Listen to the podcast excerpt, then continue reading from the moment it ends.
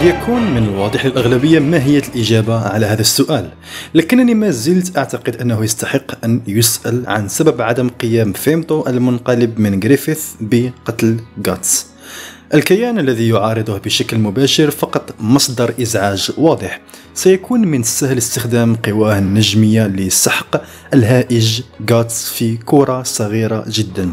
فلماذا لا يتغلب عليه فقط مع أنه كان ينوي على ما يبدو في الكسوف بعد تعذيبه بالطبع ولكن تم إبطال هذه اللذة من قبل رفيقنا الفارس. أو أن نيته كانت بالسماح له بالرحيل سواء كان فارس الجمجمة قد تدخل أو ربما لم يكن. كل ما أراده جريفيث هو إيذاء غاتس لرؤيته خائفا وخطط للسماح له بالمغادرة في كلتا الحالتين فلماذا على الرغم من ذلك سمح بحدوث هذا؟ يجب أن يعي ذلك أنه يهتم إلى حد ما بغاتس وبقائه في المجلد ثلاثة في المرة الأولى التي نراه فيها فيمتو يوضح جريفيث أنه بالرغم من أن غاتس السياف الأسود قتل العديد من رسل يد الإله فإن هذا القتل الجماعي هو ببساطة غير مهم بالنسبة لهم أعضاء يد الإله. لكن جريفيث لا يعتبر حتى بالاستحقاق بالاهتمام الذي كان سيعطيه له ببساطة مجرد حشرة الآن. يمكنك أن تعيد ذلك إلى كراهية باقية تحاول عمدا الحصول على تأثير من غاتس الذي قد أعتبره دليلا على أن جريفيث لا يزال يهتم أو يمكنك أن تأخذه في ظاهره. يبدو أن غاتس لا يؤثر حقا في لعبة قتل الحواريين. لذا فإن ما يقوله جريفيث صحيح ربما سبب ترك جريفيث. غاتس أيضا هو لأن الأمر لم يكن يستحق الجهد المبذول للسماح له بالذهاب لم يكن يعني شيئا لجريفيث غاتس تماما مثل قتله لن يعني شيئا له أيضا. فهناك بالتأكيد فرصة أن كلاهما صحيح على الرغم من أن هذا الوجه المتعجرف على غاتس أن يراه غاضبا.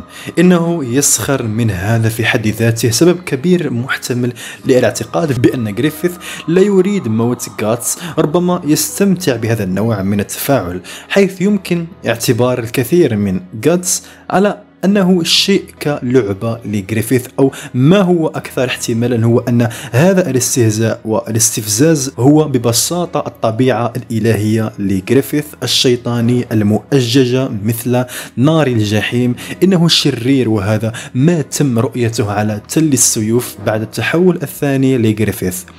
تحدث إلى جاتس بطريقة غير مبالية ويبدو أن الغطرسه التي رأيناها من قبل تبدو خافتة بعض الشيء لكن لا يزال زال من الواضح تماما أن سلوك جريفيث يهدف إلى استفزاز الرجل الذي يقف أمامه. لا يمكنك إخباري أنك ترى هذا الوجه ولا تفكر في نفس الشيء الذي يسأله غاتس في داخله عن سبب وجود جريفيث ويخبره جريفيث في نفس الوقت أنه أراد أن يعرف ما إذا كان حقا لم يعد يشعر بأي شيء تجاهه أم لا. يدعي أنه لا يحمي كاسكا.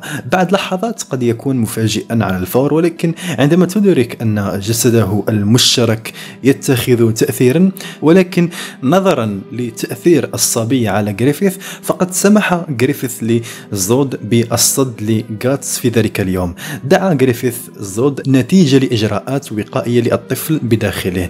لا يهتم جريفيث حتى برؤية غاتس حتى عندما يدخل جريفيث نفسه إلى عالم البشر مرة أخرى. من المؤكد أنه كان من الممكن تعجيل لم الشمل إذا كان جريفيث جريفيث قد رغب حقا في مثل هذا الشيء ولكن تشير كل الدلائل إلى اللامبالاة جريفيث ترك فارس الجمجمة يهرب مع غاتس وكاسكا في نهاية الكسوف على أرجح مجرد عدم الرغبة في الاستمرار في بذل الجهد بدلا من الرغبة في إبقاء صديقه السابق على قيد الحياة.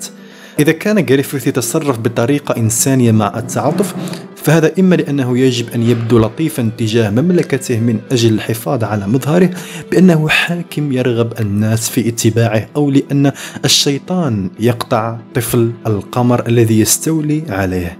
إنه من السهل جدا تصديق أن جريفيث كما لو أنه يعتقد أن غاتس تكافأ في الرجز أو الشر ولا يوجد تهديد على الإطلاق. فلماذا تهدر أي طاقة لقتله؟ لن يكون هناك أي جدوى ولكني أحب أن أصدق أنه لا يزال هناك جزء من جريفيث القديم لا يزال هناك متروك. أنه لا يزال يتصرف بالطريقة التي تصرف بها مع جاتس لأنه يستعد بهذا التفاعل بينهما. فهو يبقي على قيد الحياة كنوع من الكأس التي يمكنه دائما العودة إليها إذا كان بحاجة إلى الشعور بأنه قوي بالطبع. ولكن حتى بعض الأشخاص الأكثر نجاحا وقوة يشعرون بالحاجة إلى الحفاظ على سلامتهم ما دفعهم إلى الوضع أو المستوى الذي هم فيه اليوم.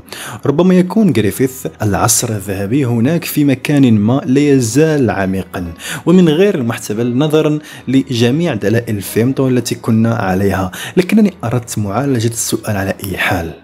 شكرا على المشاهدة. تحياتي.